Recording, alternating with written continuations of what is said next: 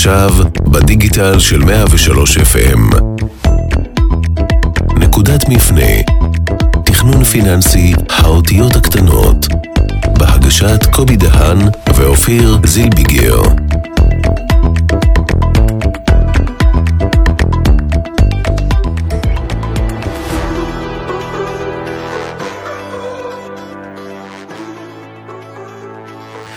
שלום לכולם וברוכים הבאים לעוד תוכנית של נקודת מפנה ואחרי שהתחלנו בסערה עם התקופה של המלחמה אנחנו חוזרים באמת לנקודת המפנה ואיתי באולפן אופיר זילביגר. אהלן אופיר. שלום קובי, מה שלומך? בסדר גמור. אז אנחנו בעצם מתחילים מנקודת המפנה או נקרא לזה נקודת הפתיחה כי הנושא של המלחמה לקח אותנו לאיזשהו אזור מסוים שלקחנו שם כמה פרקים ועשינו את ההתאמה לתקופה של המלחמה אבל היום אנחנו בעצם מתחילים את ה... סדרה שמדברת על נקודת המפנה, ובפרק הראשון שלי איתך, כי הולכים להיות לנו כמה פרקים, אנחנו הולכים להתחיל בעצם מנקודת הפתיחה. ואנחנו מדברים תכנון פיננסי שלחלק מהאנשים זה ממש אה, חדש לחלוטין. אז אופיר, השאלה הראשונה המתבקשת, מהי, מהו תכנון אה, פיננסי? אתה בעצם אומר לי, תן לי את התורה על רגל אחת. לגמרי. אז אני אנסה. תכנון פיננסי, בניגוד למה שהרבה אנשים חושבים, זה האומנות של להבין מצד אחד את הרצונות, השאיפות, החלומות, היעדים הפיננסיים של הבן אדם, של המשפחה. מצד שני, לשים מולם את המקורות של המשפחה. התקציב, ההון, ההון העתידי, אפילו ירושות, השקעות, כספים שיגיעו בעתיד. לשים את זה כאילו בשני טורים, תדמיין טור אחד של חלומות, טור אחד של כספים, ולעשות ביניהם מאצ'ינג, ולנסות למצוא מקורות כספיים כדי לממש כמה שיותר יעדים, חלומות, רצונות ושאיפות של המשפחה. אגב, מה זה לא? ממה זה שונה? זה שונה מכלכלת משפחה קלאסית כזאת שאומרת, לך תעשה תקציב, תחסוך חמישה שקלים בסופר, תחסוך 200 שקלים בסופר. אגב, זה סופר חשוב, זה חלק מהעבודה שלנו גם. אבל זה שם אותך במקום אחר. אנחנו לוקחים את התכנון הפיננסי למקום הזה של להגשים כמה שיותר יעדים בחיים, פחות מכאילו בואו נתקלה ונסיים את החודש. אז זה אם אני צריך לזקק.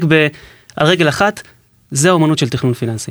טוב, אז קודם כל אה, מעניין, אני קורא לזה להכין תוכנית עסקית למשפחה. למה אני אומר את זה? כי יש לנו תוכנית עבודה בדרך כלל בכל מקום שאנחנו עובדים, תוכנית חודשית, שנתית וכולי, ואין לנו תוכנית למשפחה. לנו, המשפחה זה עסק, ותכנון פיננסי מבחינתי, בוא שיהיה לך תוכנית עסקית למשפחה, שבה אתה יכול בעצם לבחון איך התקדמת לעבר מה שאמרת, המטרות והיעדים וכולי.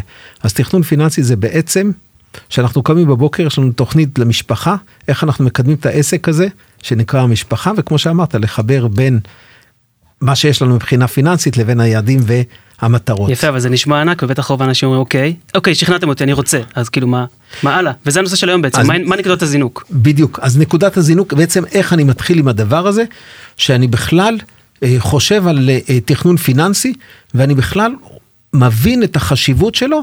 ואיזה פעולות הראשונות. אז מה הצעד הראשון? הבנתי, גם אני רוצה למשפחה שלי איזשהו תכנון, מה הצעד הראשון? אז לפני שנקפוץ ממש לפעולות, אני חושב שחשוב להבין אולי למה זה לא עבד לנו עד היום, או למה זה לא כזה קל, ואם כבר אנחנו מתחברים כמו שאמרת למלחמה, בוא נדבר על אה, קונספציה. עכשיו להרבה אנשים יש איזושהי קונספציה, הרבה אה, קונספציות בנוגע לכסף, דברים שתוקעים אותנו במקום, כמו למשל, אה, שאנחנו לא אוהבים להתעסק בכסף, לפעמים זה מאוד מעמת, בעין, כשאתה צריך לגעת בכסף, אתה אולי צריך פתאום להתעמת עם בן או בת הזוג. אז אנשים במקום לפתור בעיות מהשורש, שמים כל הזמן פלסטר, עוד פלסטר ועוד פלסטר, וזו קונספציה, זו בעיה. אנחנו לאורך החיים שמים הרבה פלסטרים וזה לא, אה, לא פותרים את הבעיות שלנו מהשורש. אה, הרבה אנשים חושבים שהם בסדר. זאת אומרת, אם אני מסיים את החודש ואני לא באיזה מינוס מטורף, אז אני בסדר וזה אה, מספיק לי. אבל אני כשאני מסתכל עליהם מהצד, אני רואה איזה שהם עכברים בתוך אה, גלגל כזה, או מה אומרים, אוגר או עכבר? אוגר, כן, אוגר בתוך, אה, בתוך גלגל. שהוא מבחינתו השאיפה שלו זה רק להיות בסדר, רק לסיים את החודש, אבל מה קורה אה, כשיש חלילה משבר רפואי, משבר כלכלי עולמי, או כמו עכשיו, פתאום מילואים אה, שלושה ארבעה חודשים. ולכן להיות בסדר זה לא שאיפה נכונה, ואנשים ששואפים להיות בסדר, באיזשהו שלב, באיזושהי צומת בחיים, נופלים אה, לאיזשהו ברוך. יש הרבה דברים שנדבר עליהם, אני אזכור את זה קצת במהירות, כמו למשל אה, שקר ההכנסה הנוספת. אנשים אומרים, אני רק ארוויח עוד 2,000-3,000 שקלים, ואז נכון. אני אהיה מספיק ראוי לתכנן תוכנית פיננסית. עכשיו אני לא צריך כי אין לי מספיק, אבל אם אני ארוויח עוד 2,000-3,000, אז זה כבר יהיה מצדיק לעשות תוכנית. ומה קורה, מרוויחים עוד 2,000-3,000, ומה קורה? הולך כמובן לשוטף, יפה. והשוטף שוטף אותנו. חברות המדיה, הבנקים, חברות האשראי יודעים בדיוק איך להוציא את ה-2,000-3,000 האלה מהכיס, כמו שהם הוציאו את הקודמים במניפולציות ובדברים. אז אני גם... חוזר שנייה אחת לנקודה שבעצם זה קודם כל תהליך פסיכולוגי, זה בכלל לא תהליך פיננסי, זאת אומרת אני צריך להגיע לאיזושהי הבנה, בואנה זה חשוב לי, ואני עושה את הצעד, כי לפני שאני, כי, כן פה אתה מדבר על פעולות פיננסיות, לא, זה לא, לא פעולות פיננסיות. מה שאני בא להגיד לפני שאני בא ומסתכל מה, מה המספר שלי, זאת, מה הביא אותי, אני רוצה לדעת מה ההתנהגות, ההרגלים, שהביאו אותי לנקודה הזאת. האם, אה, יש הרבה אנשים שיש להם בעיה עם מורכבות של המערכת הפיננסית, הם לא מצליחים להבין את, ה, אה, את, ה, את הכלים שאפשר להשתמש בהם. יש שפע של מוצרים פיננסיים, שפע של יועצים פיננסיים. אז אה, קודם כל להבין מה עוצר אותי, מהם ההתנהגויות שגרמו לי להגיע למצב הפיננסי ש, אה, שאני נמצא בו היום. אני רוצה להוסיף עוד נקודה, וכתבתי על זה מאמר, שאנשים לא מפטרים את עצמם. זאת אומרת, אם לצורך העניין אני צריך להציג איזושהי תוכנית עבודה במקום העבודה בתאריך מסוים לפני ההנהלה. אני ברור שאין לי ברירה, אני מכין, אני אעמוד, אני אשב לילה לפני כן, אני כנראה גם לא אישן או חצי מהלילה, כדי להגיע ולהציג את התוכנית עבודה. כאן אנחנו מדברים על דברים כלפי עצמנו. וברור לי שאם במקום העבודה אני אגיע בפני ההנהלה ואני אגיד אין לי תוכנית עבודה, או שכנראה שישלחו אותי הביתה, ופה אני לא שולח את עצמי הביתה, כי זה אני כלפי עצמי, זה אני כלפי וחלק מתוך אותו תהליך אנחנו אומרים בדיוק מה שאמרת, הדחיינות, אין לי את הזמן, אני לא נוגע בזה, זה נראה לי תחום מסובך, אה, אה, טוב הנה אני רק ארוויח עוד טיפה ושם אני יכול לייצר את הצמיחה. והשילוב כן. של כל הדברים האלה הפסיכולוגיים בעצם מונעים מאיתנו לנגוע בדבר הזה שיכול לתת לנו הרבה הרבה הרבה שקט נפשי ובאמת לייצר לנו אופק. מה שאבסורד שכולם יודעים מה צריך לעשות. כמו בדיאטה אגב, כמו בזוגיות, כולם יודעים מה צריך לעשות, אנחנו פשוט לא מצליחים להביא את עצמנו לעשות את זה. אנחנו יודעים שצריך להוציא קצת פחות ממה שמכניסים, שצריך לחסוך, שצריך uh, לסגור את החובות או לא לקחת חובות, אבל אנחנו לא מצליחים. ידע זה לא מה שחסר, המצ... הכסף, ההתנהלות הפיננסית זה הרבה יותר מידע, הרי אם ידע זה היה מחסום, כולנו כבר מזמן היינו עשירים עם קוביות בבטן, אבל רובנו לא. כי יש איזשהו משהו נוסף, וזה מה שחשוב uh, להבין, שיש פה גם את הצד הכלכלי, לסדר את המספרים, אבל גם רגע להבין למה אני עושה את זה.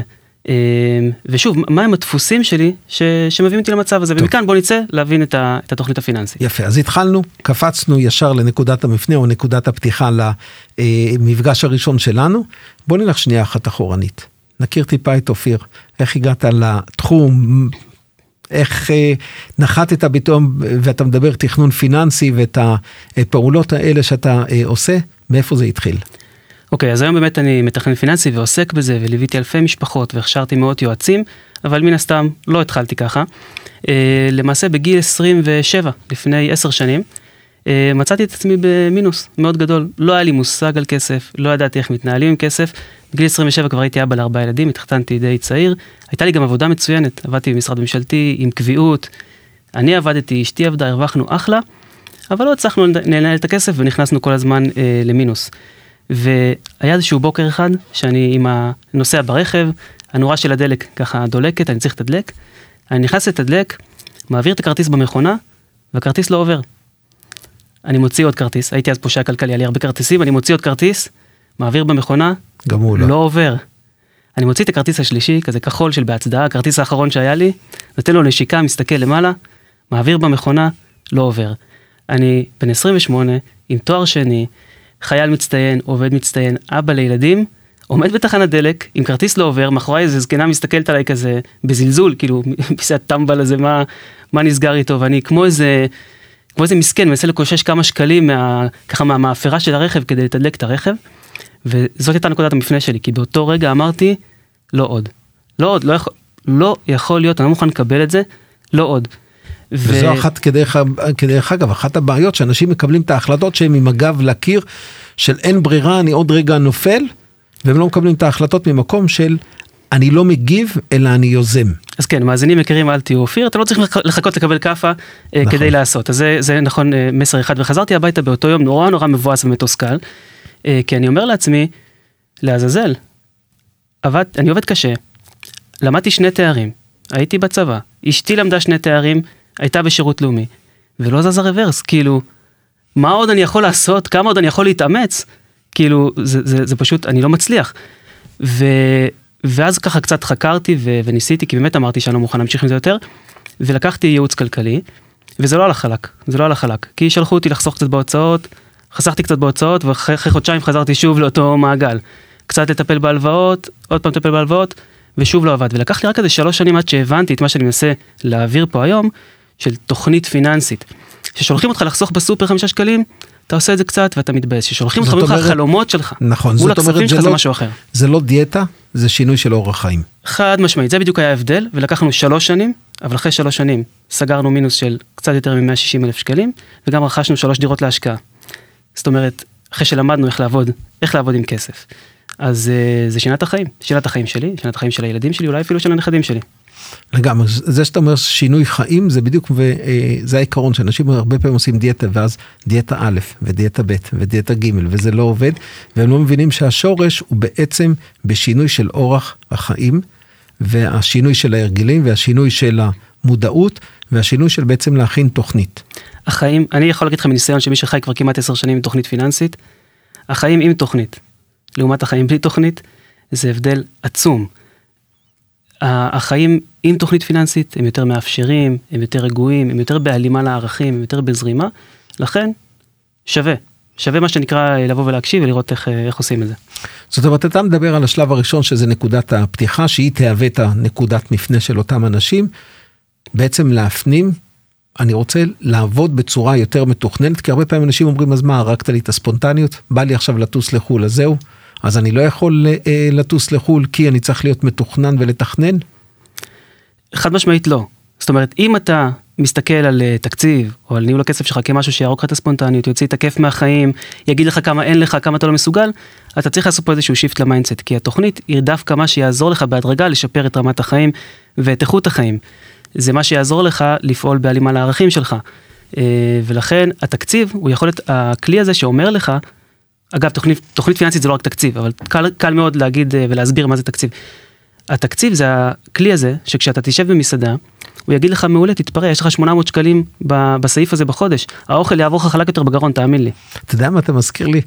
זה בדיוק העניין שהרבה פעמים אני נתקל באנשים שלוקחים את ההלוואה וטסים לחו"ל, ואיך אחד מהחברים אומר לי, אומר לי, האמת, לא נהניתי בחופשה. אני אומר לו, למה? הוא אומר, אחד נסעתי, וידעתי שזה על כסף שאין לי. ואז שהילדים רצו כל מיני דברים, הייתי כולי דרוך ולחוץ, שנייה אחת אה, אה, לא זה, והוצאנו יותר מדי, ולא ככה וכולי וכולי. והוא אומר, לא נהניתי בחופשה. כי נסעתי על כסף שאין לי ואמרתי, "אה, בתוך כדי החופשה, איזה שטות עשיתי, עכשיו שנתיים אני הולך להחזיר הלוואה על שבוע וחצי, וזה לא הגיוני, ואני בלחץ ואני בסטרס ואני מרגיש כעוס ומתוח בחופשה, במקום לתכנן. אז מה אתה אומר שניתן למאזינים שלנו איזה כלי כדי להעריך את נקודת הפתיחה שלהם? אז אני חושב שהכלי הראשוני שאנחנו מדברים עליו, ותכף תרחיב, כי אני רוצה שאתה תרחיב בסופו של דבר על הנושא הזה, זה אחד, זה הבנה, וזה מה שחשוב לי שאנשים יצאו מפה. זה שאני מתוכנן, זה לא אומר שאני ספונ... לא ספונטני, ואני יכול להשאיר לי גם, חלק מהתכנון זה להשאיר לי תקציב לספונטניות, זה אחד. שתיים, זה שאני מתוכנן, הוא נותן לי יותר רוגע, והוא נותן לי יותר שקט נפשי, ואני יודע שאני פועל לפי דברים שהגדרתי, ואני משתדל לא, ל... מה שנקרא, ללכת אחרי טרנד מסוים, או להיסחף אחרי פעולה מסוימת וכולי, ואני מגדיר מהי הדרך שבה אני רוצה ללכת, ואז הרבה יותר נכון. אתה יודע למה אני הפכתי בסוף התהליך שלי? אה, מישהו אמר את זה עליי, אתה הפכת מאבא במינוס לאבא בפלוס. תחשוב איזה דבר כאילו, אני מצטער ל, כאילו בפני המאזינים שעשינו להם קצת כאב בטן שאמרתי את המשפט הזה, אבל זה בסדר, תשנאו אותי עכשיו, תאהבו אותי אחר כך, מה שנקרא. אה, הפכתי מאבא במינוס לאבא בפלוס, יש לזה משמעות אה, אדירה. איך זה בא לידי ביטוי? אה, אתה פתאום, תראה, יורד לך הסטרס הפיננסי. הסטרס הפיננסי קודם כל גורם למחלות. זאת אומרת, אנחנו, חד וחלק. בתכנון פיננסי אנחנו ממש עושים רפואה מונעת. הוא גורם למחלות והוא הורג אנשים. והסטרס הפיננסי הוא גם מחסל בתים ומשפחות אה, ויחסים. וכשיורד לך הסטרס הפיננסי, אפילו המצב הקוגניטיבי שלך משתפר, ואתה נהיה עובד טוב יותר, ואתה נהיה אבא טוב יותר, אתה פשוט פנוי יותר. ולכן אה, זה כמו אבן דומינו כזו, ש... ש... או אבן שפוגעת בנהר ועושה כזה אדוות, וזה משפיע all over. ואתה נהיה פשוט בן אדם אה, גרסה קצת יותר טובה של עצמך בזכות אותו, אה, אותו תכנון פיננסי. אופיר, פרקטיקה, איך זה בא לידי ביטוי? פרקטיקה, צריך להפסיק לדבר, אתה אומר. לא, איך זה בא לידי ביטוי? מה- אוקיי, הילד, אז, אז, אז בוא מה שנקרא סודות מחדר הייעוץ, שיושב כן. מולי בן אדם איך בחמש דקות אנחנו מעריכים את נקודת הפתיחה הפיננסית, איפה אתה עומד, נקודות החוזקה, ובמה להתמקד עכשיו. אז בואו אה, קחו לעצמכם אה, כמה שאלות, תענו עליהן בכנות, אה, ותנו לעצמכם אפילו ציון מ-1 עד 10, וחלילה לא כדי לזרות מלך על הפצעים, או כדי לדרוך ולסובב, אלא כדי שבואו נעשה איזה סנפשוט עכשיו, איזשהו, איזושהי הערכת מצב איפה אנחנו עומדים, כדי שכשניפגש פה בפרק 5, 6, 8 שלנו, אז נראה איך שיפרתם בנקודה אחת כל אחד מהפרמטרים. אז השאלה הראשונה היא, בואו ניתן איזה הקדמה. כשאנחנו מתכננים תכנון פיננסי, אנחנו מסתכלים על שלושה, שלושה טווחים בחיים. הטווח המיידי זה השוטף שלנו, ההוצאות מול ההכנסות. הטווח הבינוני זה אותם uh, תחנות בחיים, אותן תחנות בחיים שנצטרך לפגוש בהן כסף. בר מצווה, בת מצווה, חתונה, שיפוץ, ריהוט, החלפת. רכב, איזושהי טיסה לחו"ל, תואר שני, דברים כאלה. אגב, רוב האנשים לא שומרים לשם מספיק מזומן, ואז או שהם לא מגיעים ליעדים האלה, או שהם לוקחים הלוואות, ואז כבר הכל מתחיל להסתבך. אז הטווח הבינוני, והטווח הארוך, זה הפנסיה, הפרישה, אולי העזרה הגדולה לילדים, זה נמצא בטווח הארוך. עכשיו איך להעריך ולתת לעצמי ציון בכל טווח כזה כדי לדעת איפה להשתפר. יש חדשות טובות אגב, אין יותר מזה, זאת אומרת, אלה שלושת הדברים, מזל. אין, הרבה- אין עוד אה, דברים להשתלט עליהם. אז בטווח הקצר, אם אתם משפחה שיודעת לנהל את ההכנסות וההוצאות שלה, יודעים לשמור על התקציב ולא נכנסים למינוס, תנו לעצמכם שתי נקודות, נקודה אחת על זה שאתם מנהלים תקציב, נקודה אחת על זה שאתם לא נכנסים למינוס כל uh, חודש, מעולה. אם באחד מהם אתם לא, אתם לא יודעים לנהל את התקציב, אתם נכנסים למינוס כל חודש, תורידו לעצמכם נקודה, ומה שנקרא, גשו למוסך הקרוב לביתכם ותלמדו איך עושים את זה. הדבר השני, זה הטווח הבינוני. אמרנו אותם, אה, אותן תחנות בחיים שאנחנו נצטרך לפגוש אה, כסף. אז אם תכננתם את אותן תחנות, תמכרתם אותן בזמן ובכסף, תנו לעצמכם נקודה. אם התחלתם לחסוך עבור אותן תחנות, בקרנות השתלמות, בקופות גמל להשקעה, בפוליסת חיסכון, לא משנה, בפק"ם, תנו לעצמכם עוד נקודה וגם איזה נשיקה קטנה במצח ממני כי זה ממש מתקדם, מעולה. אני רוצה להתייחס לנקודה הזאת, מה שנקרא שלב ביניים, ודיברת על הנושא של נקודה או לא נקודה, אז אני רוצה להתייחס לנקודה בעניין הזה, שקודם כל לדעת להגדיר את אותו יעד. כי לפעמים אנחנו יושבים עם שני בני זוג, בהנחה שזה שני בני זוג, כי לפעמים אני, כמובן גם בתור בן אדם בודד, אני אה, אעשה לי יעדים ומטרות, אבל הם, אנחנו מגלים שהם בחיים לא דיברו על היעדים. רגע, ניקח- יש לנו פרק שלם על זה. נכון, אבל אני אומר, אז תדייקו מה אתם רוצים שנייה אחת מבחינת היעדים, ושתהיה לכם מטרה שהיא מטרה משותפת. נכון. הקיצוניות שהגעתי לשם, וזה רק ספוילר לאחד מהפרקים שנגיע, שאבא אומר, אני לא עוזר לילדים, שיסתדרו בדיוק כמו שאני הסתדרתי, והאימא אומרת, אני רוצה מיליון שקל לכל ילד לעזור לו בדירה, בלי זה הם לא יצליחו. שים לב לפער. יפה. אני מקווה שלא גרמת להם לגירושים. לא, לא, מעולה. עדיין לא. אז אני, אז אני רק אשלים את, ה, את המהלך. אז בטווח הבינוני, או שתיתנו לעצמכם שתי נקודות, או אם אתם עוד לא תכננתם את היעדים, או אם עוד לא חסכתם להם, תורידו נקודה וגשו מה שנקרא לתחנת התכנון הפיננסי הקרובה לביתכם ו- ותטפלו. הטווח הבא, שזה הטווח שאתה האשף שלו, הטווח הארוך, הפרישה וכולי, יש פה המון דברים שאפשר לדבר עליהם, אבל אם ננסה לרכז את זה לדברים הכי חשובים, אחד זה, לה, אם, האם אתם יודעים להגיד היום, מה הקצבה הצפויה לכם בפרישה? כמה, כמה תקבלו? אם אתם יודעים להגיד, מצוין. הדבר השני שאתם יודעים להגיד, האם אתם יודעים להגיד מה הפער שלכם, זאת אומרת כמה יהיה חסר לכם בפרישה, כנראה חסר לכם אגב, כמה יהיה חסר לכם, מושג שאתה לימדת אותי, הפער הפנסיוני. בסדר, ההפרש בין מה שאתה אמור לקבל לבין מה שאתה תצטרך, זה הפער הפנסיוני.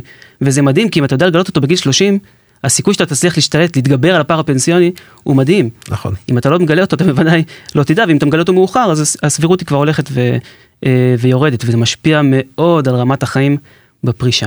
המשפט אז- שאנחנו הכי הרבה שומעים מאנשים שהם לקראת פרישה, חבל שלא ידעתי את זה קודם, חבל שלא פגשתי אתכם לפני 20 או 30 שנה, כי התמונה שלי או המצב שלי היה יכול להיות אחרת. נכון, אז פה ה- הערכה העצמית שתיתנו לכם לנקודת הפתיחה שלכם, אם אתם יודעים את הדברים האלה, תנו לכם שתי נקודות, ופה נשיקה במצח מקובי, אה, ואם לא, אז, אז כמובן שצריך לגשת וללמוד איך עושים את הדברים, אה, ו, אה, ולטפל. וככה ב, בשתיים שלוש דקות הצלחנו לראות איך אנחנו נערכים אסטרטגית לשלושת התקופות בתכנון הפיננסי, להבין איפה אנחנו חזקים, ואגב, איפה שאנחנו חזקים, זה מצוין, מה שלא שבור לא צריך לתקן. נכון. איפה שאנחנו קצת יותר חלשים, אז לבוא וללכת ולעשות את, ה, את הדברים. ואם אנשים ייקחו את זה מה, מהפרק הזה, אז מה שנקרא, דיינו. אוקיי, אז אה, דיברנו על למעשה את השלב הראשוני, של בעצם ההפנמה, שאנחנו צריכים את ה... אה, לתכנן, ולתכנן זה לא מילה אה, לא טובה, או מוציאה את הספונטניות והורגת את היום-יום, ולהפך, היא תיתן לנו את השקט, תוריד לנו את הסטרס, תוריד לנו את הדברים. דיברנו על שלושה ואנחנו מנסים הכי הרבה לפשט לכם את זה, חבר'ה מאזינים, הכי פשוט וקל בגובה העיניים. שימו לב, לא דיברנו לא ריביות ולא תשואה ולא השקעות אלטרנטיביות ולא שום דבר. יש סיכוי שנסיים את כל הפודקאסט הזה, שנדבר על כסף בלי לדבר על כסף. לגמרי. ואני רוצה ש... כדי וזה הכי שאנשים... חשוב. זה להוריד את הסטרס לאנשים, כי הרבה פעמים שאנשים שומעים, אוקיי, אני צריך לשבת עם יועץ ההשקעות, או עם זה, או אני לא מבין שום דבר, ואני אה, בורח מהדברים האלה, ולכן זה 70 אחוז התנהגות, 70 אחוז זה אה, בנייה של אה, אה, תוכנית. והחלק הכי חשוב שאופיר אמר פה, רבותיי, טווח קצר, בינוני, ארוך. כמה אני ערוך. כי דרך אגב, כשאנחנו מדברים על תוכנית למשפחה, זה בדיוק אותו דבר תוכנית לחברה ותוכנית למדינה, ואנחנו רואים שהיא מדינה כמו אה, אה, משפחה לא מתנהלת כמו שצריך, ואין לה תוכניות לטווח ארוך, ואין, אז פתאום מופתעים מכל מיני אה, הפתעות כאלה ואחרות. אז זה הפרמטרים שאנחנו צריכים אה, אה, לקחת. אני רוצה לפני שאני מסיים את הפרק, אני עכשיו יושב לבד בבית, ואני רוצה להתחיל לעשות את הדברים. אני רוצה להבין שאני לא הולך עכשיו להתעסק בזה מבוקר עד לילה. תן לנו, מה זה מצריך ממני. אף אחד מאיתנו לא רוצה להפוך למתכנן פיננסי. ומישהו עורך דין או מישהו איש מחשבים, זה מה שהוא רוצה לעשות בחיים. צריך לדעת, כמו שאמרת, לפתח אורח חיים. אז בהתחלה זה קשה, בהתחלה זה מאוד מאמת, זה מאוד חדש, זה מאוד זר, אבל אחרי כמה חודשים אתה פתאום אה, לא מבין איך היית בלי זה, זה כמו שאתה מתקבל לעבודה חדשה. אתה בהתחלה לא בדיוק יודע איך קוראים לכולם, לאיפה כל מסדרון מוביל, איפה נמצאת הפינת קפה. ואחרי שלושה חודשים אתה מרגיש כאילו נולד, נולדת שם, וזה לא זר לך. וככה זה בדיוק ההתנהלות הכלכלית. המטרה שלנו היא להפוך את זה לאיזשהו טבע שני, לאיזה משהו שהוא, אה, שהוא חלק ממך, שאתה לא מרגיש שאתה צריך להתאמץ ולהזיע כדי לעשות אותו. בשביל זה, צריך לדעת, לבחור אה, ממי ללמוד, בסדר, ממי שעשה את זה בצורה מוצלחת, ולראות איך זה הופך לאורח חיים ולא לתיק. אוקיי. ובשביל זה צריך, אה, נראה לי, להמשיך, להמשיך להקשיב לנו. טוב, אז זה לגמרי אבל זה. אני לא בלי שום- אובייקטיבי. נכון. טוב, אז אה, אני רוצה להוסיף אולי שניים שלושה דברים לגבי הנושא הזה כדי לפשט לאנשים. אז אם אתה לקחת את הנושא של הטווח הארוך, אני אומר לאנשים אחרי שעשיתם אישור קו, פעם בשנה, שעה. זה הכלל שלי, שעה בשנה. תשבו, תראו שאתם עדיין על המסלול, שאתם מתקדמים לעבר היעדים והדברים שהגדרתם לגבי הטווח הארוך. אם אנחנו מדברים על השוטף, ואת זה למדתי ממך, רבע שעה בשבוע. לשבת, לראות שאני מסונכרן עם ההוצאות שלי, שאני לא מתפרע, שאני צריך לעשות פעולות כאלה ואחרות וכולי. ואם אני מדבר על הטווח הבינוני, אחת לרבעון או חצי שנה, רק לראות שאני מתקדם בתוכנית, אם הגדרתי שאני רוצה לחסוך ככה, שאני רוצ- רוצה לראות שאני בתוכנית. זאת אומרת, מה שחשוב לי לומר פה לאנשים, אתם לא הולכים להפוך את זה לאיזשהו משהו יומיומי שמתעסקים איתו ו- ונכנסים אליו כל היום, וזה חשוב, כי הרבה פעמים אנשים נרתעים מהדבר הזה. זה רק לתרגל את אותן פעולות וההתמדה. זאת אומרת, לחזור עליהם שוב פעם, רבע שעה בשבוע, אז תקדישו רבע שעה בשבוע, וזהו. אפילו שבו שני בני הזוג על, על הניהול הפיננסי. השלב השני, פעם בחצי שנה, לראות שמבחינת התוכניות שלכם אתם בכיוון ומתקדמים לפי הדברים, הנה, נתת לי עכשיו רעיון לפרק נוסף, פרק שנקרא לו דייט הכסף. מה עושים ב-15 נכון. דקות האלה בשבוע? נכון? מה שנקרא בהמשך. לגמרי, דייט זוגי, לדבר על הנושאים האלה, וקורים דברים נפלאים. אתה יודע, אני אסיים עם משהו שאני עשיתי איתו. אה, אני ואשתי היינו שנינו בחדר כושר, משלמים בחדר כושר לא מעט אה, כספים וכולי. והחלטנו לעשות איזשהו שינוי. ראינו שיוצא למעלה מעשרת אלפים שקלים על הנושא של חדר כושר. ועשינו שינוי. הפסקנו ללכת לחדר כושר, והתחלנו לעשות את הכושר זוגי ביחד. והרווחנו פה פעמיים. הרווחנו את הדייט הזוגי הזה בהליכה, בספורט, ב- ב- בלשוחח, בלדבר וכולי. וגם אה, בסופו של דבר גם אה, חסכנו כסף שאמרנו אחלה, עם הכסף הזה יש לנו כמה רעיונות טובים לעשות אותם. אז השילוב הזה בין הדברים, הרבה פעמים אנחנו רצים על, ה, על הבסיס ופתאום הדייט הזה אה, יצר לנו דברים אה, אה, מצוינים. אז חבר'ה, דייט פיננסי, הנה, יצאנו פה עם איזשהו קוריוז מעניין. טוב, אז הפרק הראשון, מבחינתי ככה, להכניס את האנשים לעולם, להוריד להם את הסטרס והפחד הזה מתכנון, כסף, תשואות, השקעות, אני ספונטניות וכולי. ובפרקים הבאים נדבר כבר על הצד ההתנהגותי, איזה פעולות אנחנו צריכים לעשות, וכמובן איך אני עושה את התוכניות האלה צעד אחרי צעד, ונדבר על הפרקטיקה. אז אופיר, תודה רבה, כרגיל נהניתי. תודה רבה לך. נקודת מפנה. תכנון פיננסי, האותיות הקטנות. בהגשת קובי דהן ואופיר זילביגר.